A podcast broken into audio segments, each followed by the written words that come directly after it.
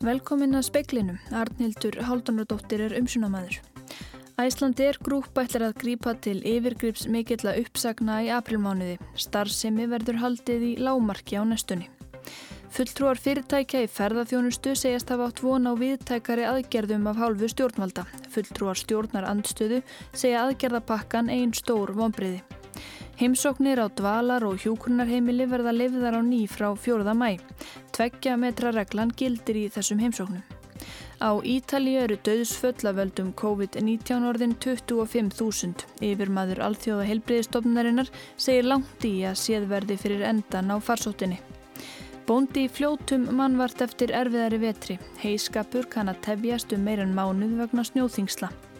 Íslandingar er ekki bara menn, þeir bera líka erðaefni neanderdalsmanna, þetta sýnir ný rannsók.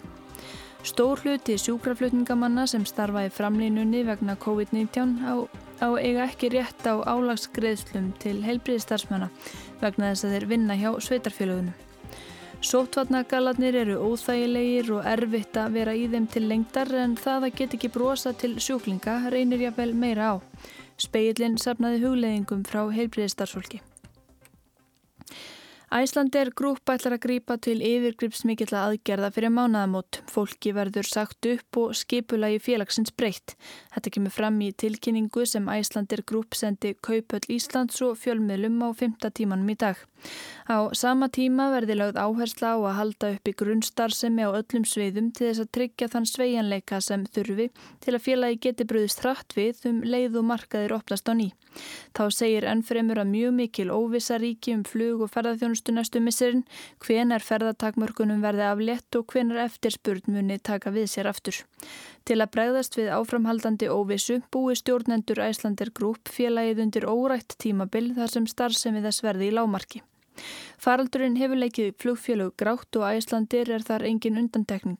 Fyrir síðustu mánaðamót sagði Æslandir grúp upp 250 starfsmönnum og færði starfslutfall 92% starfsmanna sem eftir voru í, eða lækkaði starfslutfall 92% starfsmanna sem eftir voru.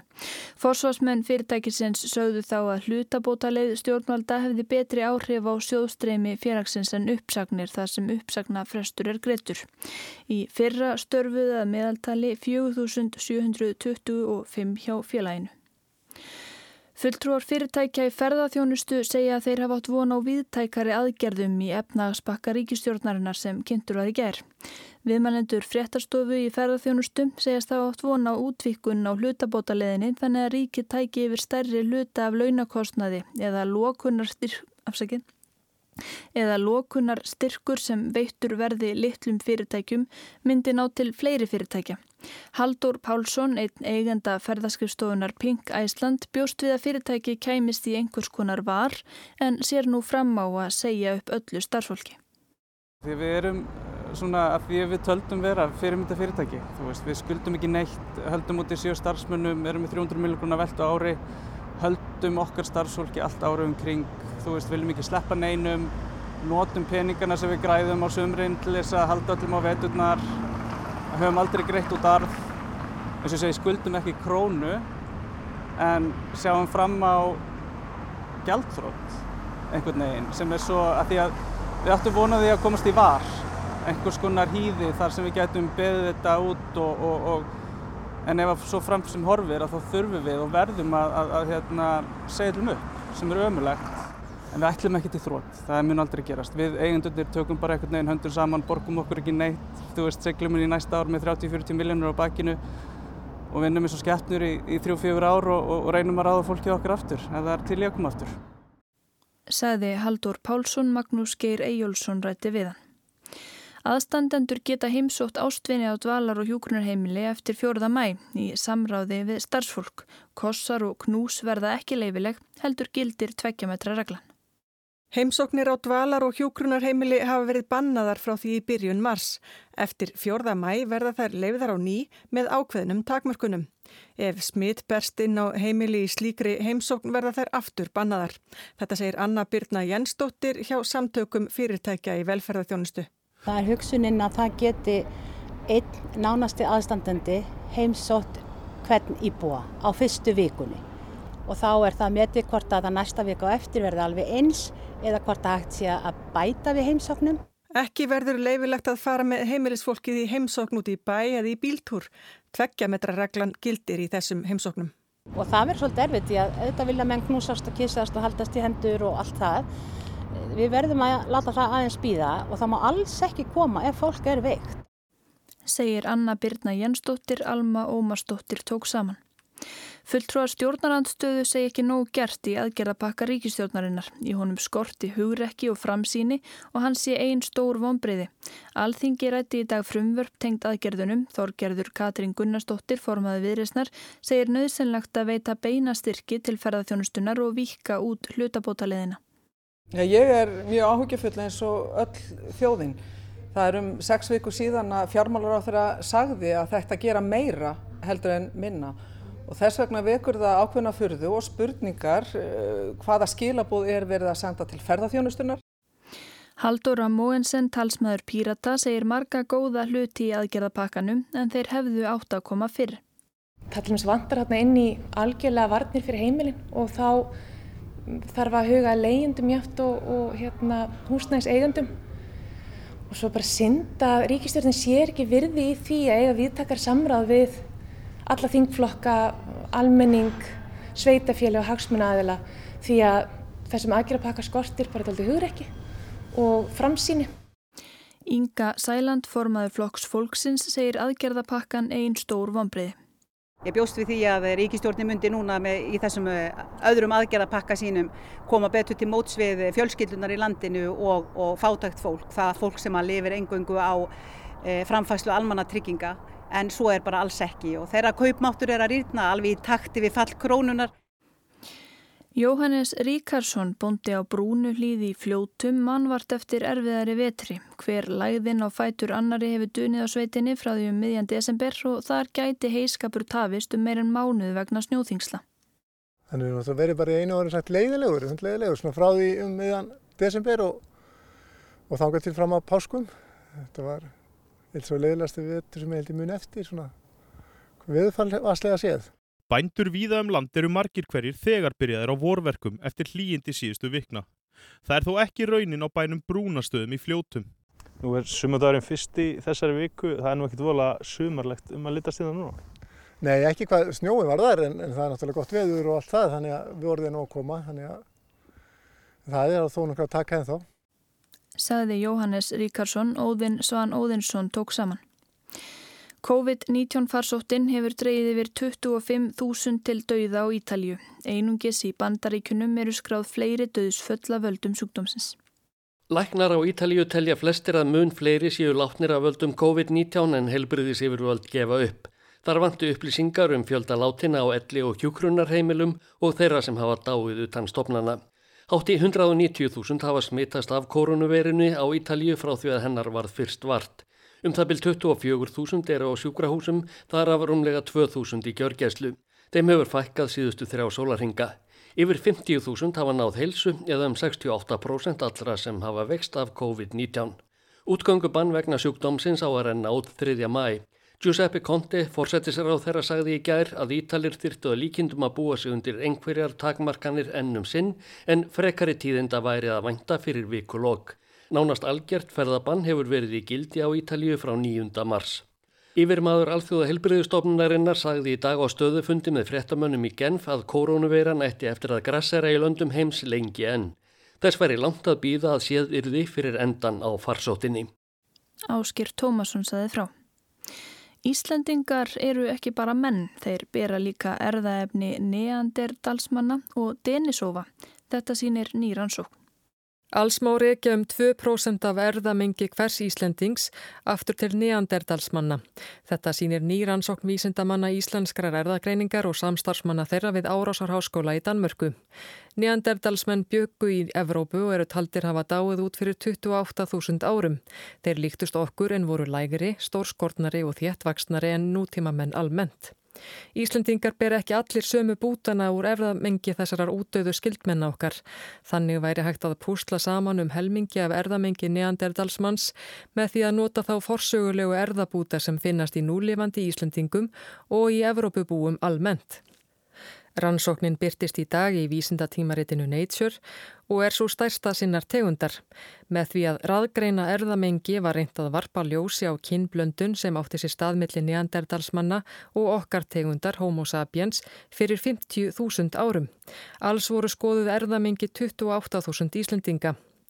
Það kom einnig skýrt fram í rannsókninni að hægt er að reykja búta úr erðamengi Íslendinga aftur til Denis og Vanna, annarar fornurar manntegundar sem að öllum líkindum blandaðist nýjanderdalsmönnum áður en þeir fór að blandast homo sapiens. Kári Stefánsson, einn höfunda rannsóknarinnar, segir vitneskuna mikilvægt innlegg í leitinni að uppruna manneskunar. Þetta sé ættarsaga einnar greinar mannkins sem segi okkur að við séum ekki bara homo sapiens, heldur líka afkomendur annara forsögulegra tegunda. Ásrún Brynja Yngvarsdóttir segði frá.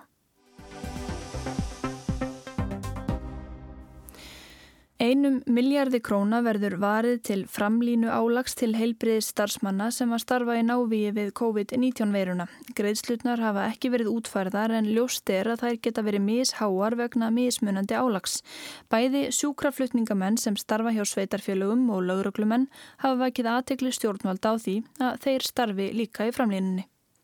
Það eru augljóslega auki starfsálag vegna, vegna verkefna, fjölgunar sjúklinga en líka bara vegna þeirra aðstæðina sem þú þart að vinna við og uh, þetta eru þá einhvers konar launauki, eingreðsla. Uh, umfangið er þá 1 miljardur og gæti tekið til uh, eitthvað á 3000 starfsmanna. Útfæslan er því nánar í höndum annars vegar heilbyrðis ráðnættisins og síðan fórstuðum manna hvers hverjar stofnunar sagði Sigur Rengi Jóhansson, samgöngu og sveitastjórnar á þeirra á kynningarfundi ríkistjórnarinnar í gær. Það er sem sagt eh, talað um að heildar upp að þið nemi einu miljardi króna og þetta verði eingreislan. Í kynningarblökum ríkistjórnarinnar kemur fram að nánari útvæsla verði í höndum heilbriðir stofnana. Ef við gefum okkur að á þriðja þúsund gæti til dæmis verið 2200 þá gæti meðalgreislan orðum 455.000 krónur. En eins og þetta lítur út er aðeins einstu greislan af því hver margir eiga rétt á framlínu álægi. Svo er líka líklegt að greistu til hvers og eins geti orðið misháar. Bæði félug hjúkunarfræðinga og sjúkraliðan sendu fyrir all nokkru fórstjórum heilbriðistofnana erindum að félagsmenn þeirra ættu rétt á sérstökum álaskreislum. Í kjærasamningum þeirra er beilinnis hveð á um að undir vissum kringustæðum eigi þeir rétt á aukagreislu vegna tímabundins álags.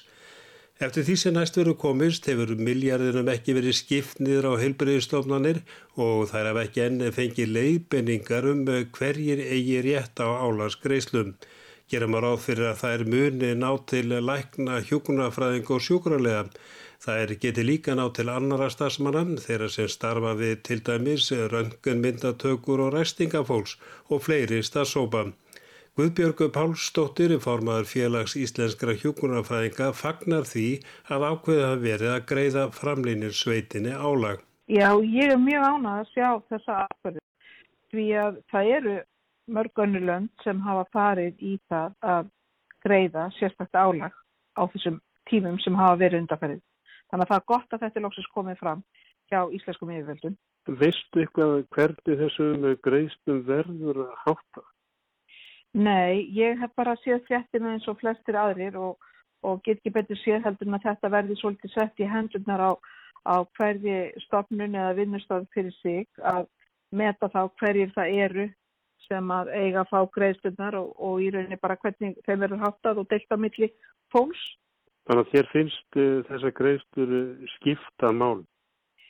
Já, þetta bara hefur skipt mjög miklu máli. Ég hef heitt það í gegnum mína félagsmenn hjúkunarfræðingana að það er búið að vera að kalla eftir þessu frá því fljótlega að faraldunum fór á stað því að á sama tíma var fólk að fylgjast við kollegur sínum erlendis í löndum sem að gripa strax til aðgerðar og, og setti þetta inn til þess að veita starfsfólkinu þá viðurkenningu að það standi þarna í framlýminni á þessum hættilegu tímum. Og við vitum það að heilbriði starfsfólk hefur látist eh, við að sinna þessum einstaklingum Þannig að það er bara gott að þetta er lóksist komið fram hérna núna. Ég er mjög ána með það. Sjúkraflutningamenn hafa margi hverju lagt síð hættu vegna COVID-19 því að þannig farið að þeir heyra alls ekki allir undir tiltekna heilbriðistofnun. Það gera vissulega 48 sjúkraflutningamenn en um 300 starfa hjá sveitarfélögum. Magnús Smári Smárásson er formaða landsambands slökkvilis og sjúkraflutningamanna. Sjúkraflutningamenn LSS er annars verið hjá ríkinu og vinna þá hjá heilbriðistofnunum og ættu þá að falla undir þessa útdelingu. En þeir félagsmenn okkar sem starfa í slökkulegunum og eru sjúkraflutningamenn, uh, þeir starfa hjá sveitafélögum og uh, svona við fyrstu skoðun þá verðist þetta ekki eiga við þann hóp. En við höfum sendt fyrirspurn á samband íslenska sveitafélaga hvernig þessu verður háttað uh, þeim meginna því að það er einnig heilbriði starfsmenn og hafa verið í, í framlínunni í baráttunum við þennan COVID-faraldur. Snorri Magnússon, formáða landsambands lauruglumanna, fagnar álarsgreislun til heilbriði starfsmanna. Hann segir að sambandið hafi komið því að framfæri við dómsmálaráðra að lauruglumenni teljist líka til framlínu starfsmanna. Arnar Páll Haugsson tók saman. Sóttvarnagallarnir eru óþægilegir og erfitt að vera í þeim til lengdar en það að get ekki brosa til sjúklinga reynir jáfnvel meira á. Starfsumhverfi margra verður framandi og sumir senda börnin í pössun til að geta sendt sjúklingum hinum einu á landinu. Speillin sapnaði hugleðingum og dagbókar brotum frá heilbriðistarsfólki sem sinnir sjúklingum með COVID-19.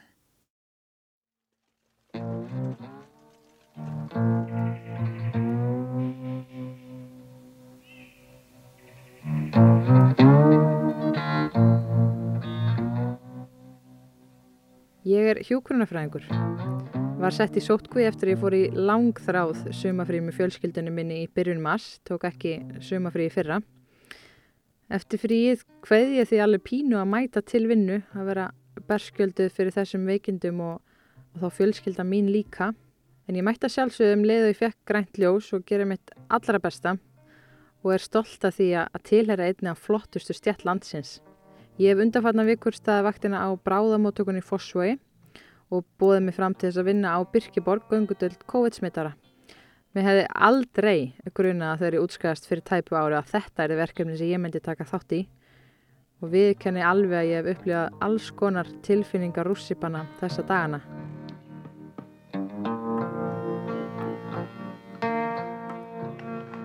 Ég er sjúkrahúsprestur. Þessa dagana leitar á mig hvað það er einkennilegt en því miður nöðsynlegt að ræða við fólk í síma sem kannski hefur mist nákominn. Sirkjandin þarf á nærveru að halda að fólk heyri og skinni líðan að við sjáum og göngum inn í reynslu viðkomandi. Núna fyrir samtali gegnum síma þar sem einhver hefur mist. Fyrir mér skapar símin fjarlagð. Það er skilningur en það vantar eitthvað. Þannig liði mér. Það er undarleg tilfinning að setja með fólki í einangrunaslopp með maska og plasthanska og ræða málinn. Nauðsynlegt, en aftur er þetta með nándina. Hvernig skildi fólk skinja nærveruna af mér á þennan hátt? Flest verkefnin tengist ekki COVID, en COVID hefur áhrif. Það er gott að fá að heimsækja sjúkling sem kannski þarf að vera í einangrun af því að nauðsynlegt er vegna sótvarna að takmarka heimsóknir. Innihald samræðina snýst oft um söknuð eftir fólkinu sínu, eðlilega. Jafnvel í sumum tilfellum er ekki langur tími til stefnu hver dýrmætt það væri að geta verið meira saman, en það er ekki bóða á þann hátt sem venjulegt væri. Enn og aftur sínir fólk skilning, bæði sjúklingur og aðstæðendur. Það er samt mikilvægt að fá að segja hvernig manni líður. COVID mun skapa erfiðar tilfinningar um skorsta samveru. Það að fá að hveðja fólkið okkar með útför er stór hluti af menningu okkar og sorgartjáningu. Á dánarbeðinu, þar sem fólk má koma, tjá aðstæðendur áhyggjur yfir þessu. Löngun til að hafa aðtapnir þar sem fólk getur komið hið hefðbundna. Fólk ræðir hvernig það getur leist þetta, hvernig er hægt að útfæra aðtöfn, hvernig hægt væri að býða. Enn og aftur er skilningur.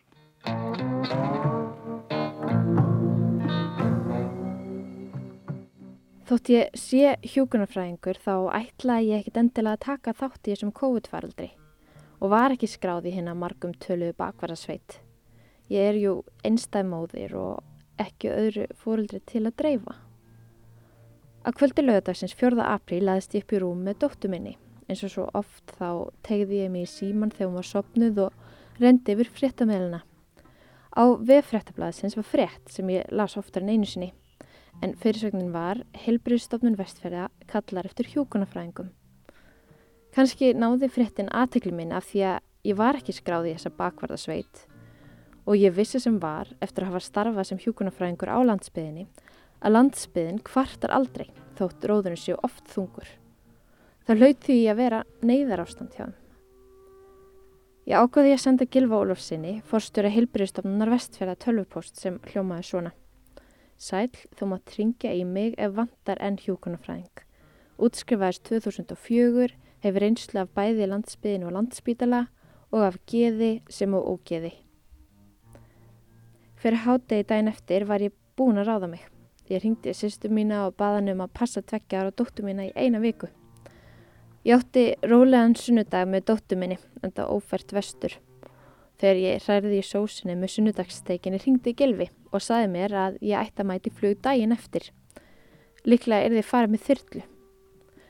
Dóttu mín fyltist stolt yfir kvöldfrættunum þegar minnst var á þyrlu og bólungavík og virtist hafa náð öllu sem ég hafði sagt við hann um daginn. En svo hágrétun.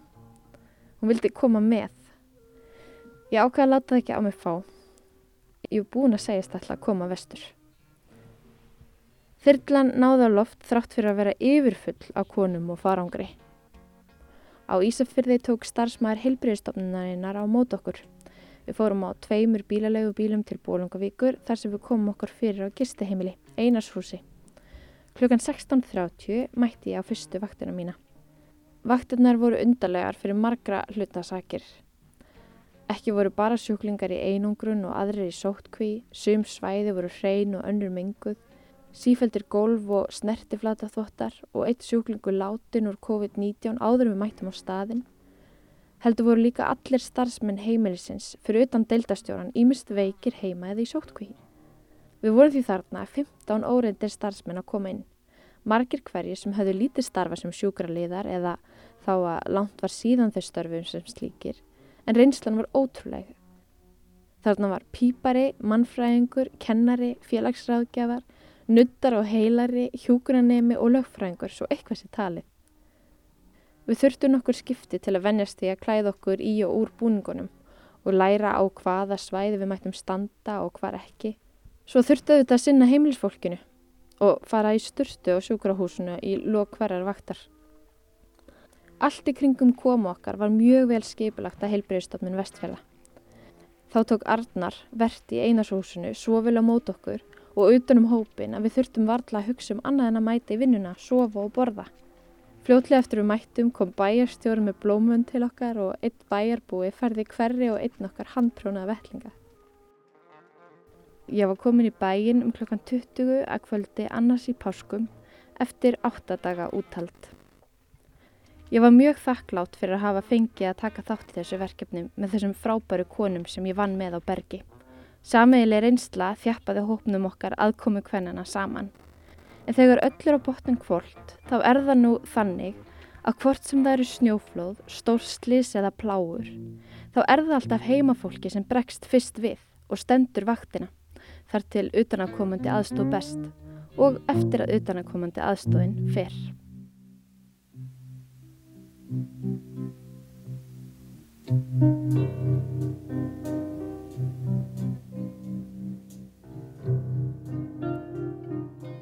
Hugleiðingar sjúkraliða Það er voru í lofti og fugglasöngur. Sumt er eins, þótt vinnan sé framandi. Nýtt umhverfi, nýjir vinnufélagar, nýr sjúkdómur, nýjar áskoranir. Þegar við nálgumst sjúklingin er við öll eins, þótt undir hlýfðarbúningnum sjöum við ólík, sérkenni okkar tínast bak við maska, glerögu og skildi. Umönnunin sem að svo miklu leiti byggir á tjáningu og óyrtum skilabóðum er komin á annað stig, verður framandi. Brós tínist bak við maska. Brós augnana sést ekki fyrir móðu á glerugunum. Óyrtu skilabóðin er ekki lengur til staðar. Kanski fælst mesta áskorunin ekki í hitanum, svitanum og förum í andliti eftir lífðarbúningin. Kanski fælst mesta áskorunin í því að tjá samkend og hlýju með orðum og hanskaklættri hendi.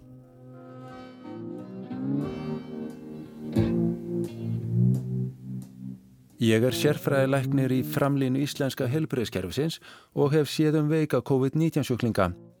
Eitt af því sem gerir þetta erfitt er allur þessi hlýðarbúna sem maður þarf að klæðast. Þetta er mörg lög og maður svitnar undir þessu og svo verður manni kallt. Það kemur móð á glerugun og plaskjar manna og maður sér illa en svo venst þetta og maður nær réttir í tækni við að vera í þessu öllu. Ég hef skinnjað mismunandi viðbröð samstarfsfólks við þessu ástandi. Sumir eru potlarólir en aðrir eru mjög stressar og maður sér það ekki endilega fyrir í hvort hópin fólk skipar sér. En þegar þetta venst þá eru þessi sjúklingar bara óskup venjulega sjúklingar sem við reynum að aðstofa. Eitt af því slæma sem þessum sjúkdómi fylgir er þessi fjarlæðum millir sjúkling og ættingja. Ég er vanu fólki sem er alvarlega veikt og degjandi og hef átt ótal samtöl við sjúkling og ættingjundi slíkum kringumstæðum. En það er svo erfitt að þurfa að taka samtal við ættingi í síma, vitandi það að viðkomandi myndi helst af öllu og undir venjulegum kringumstæðum vilja sitja við hlið ættingja síns eða maka og haldi í hönd viðkomandi og stiðja.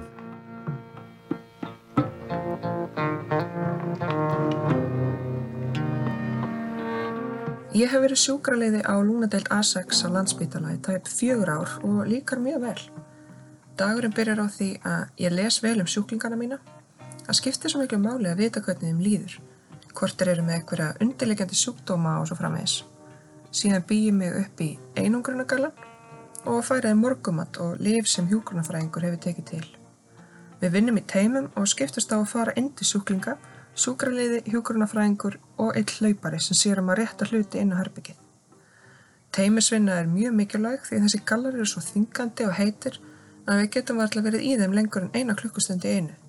Maskin og hlýðagleirugan skýrast oft inn í húðina þannig að maður færnast í sár og hausverk eftir að hafa verið í rúman klukkutíma inn í COVID-smittiða herbergi. Við pössum upp á að hugsa vel um hvert annað. Mér þykir svo vænt um starfið mitt þó að stundum getur verið mjög erfitt að vinna þess aðstæður. Það var svo gott að finna hversu mikilvægt starf mitt er hér og alltaf góða sem ég færi sjúklingunum mínum, hlýju, umhyggju og spjall sem skiptir öllu máli. Það eru nefnilega litlu hlutinir sem skipta svo miklu. Til dæmis að smyrja brauðið sem er búið að rista og færa þeim á réttan máta. Því þegar sjúklingar eru einangraðir innan fjögra vekkja svo vikumskiptir og veit ekki hvernig það komast heim eða hvort þeir komast lífs af, finnst mér mikilvægt að passa upp á sálgæslu einstaklingsins.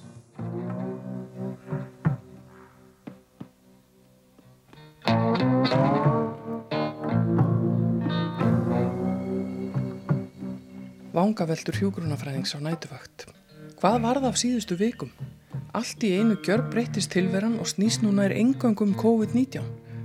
Frá því að starfa í þokkalega stöðu umhverju er ég nú komin á nýja einangrunum deild fyrir þá sem þurfa að dvelja á sjúgrási vegna veirusíkingarinnar. Ný deild, fullt af nýju samstagsfólki og framandi aðstæður. Nýja leiðbyrningar og verkverðlar nánast á hverjum degi því starfið er jú enn í mótun þar sem deildinu var hendt upp á 0-1 og þekking á hegðun veirunar ekki svo að segja dag frá degi. Skrítið ástand fyrir alla.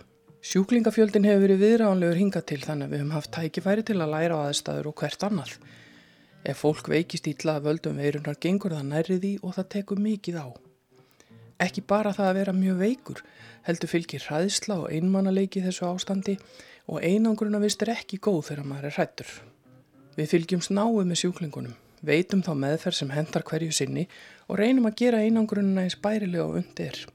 Þá reynir líka talsvert á hæfileikaran til að geta sínt samkend og stöðning pökkuð inn í sóttvarnagallan. Það er kannski undarlegt að segja það en ég er þakklátt fyrir að fá að taka þátt í starfinu og ég hugsa að margir séu sammála mér um það að ekkert verður alveg sem fyrir þegar þessi stormur gengur niður.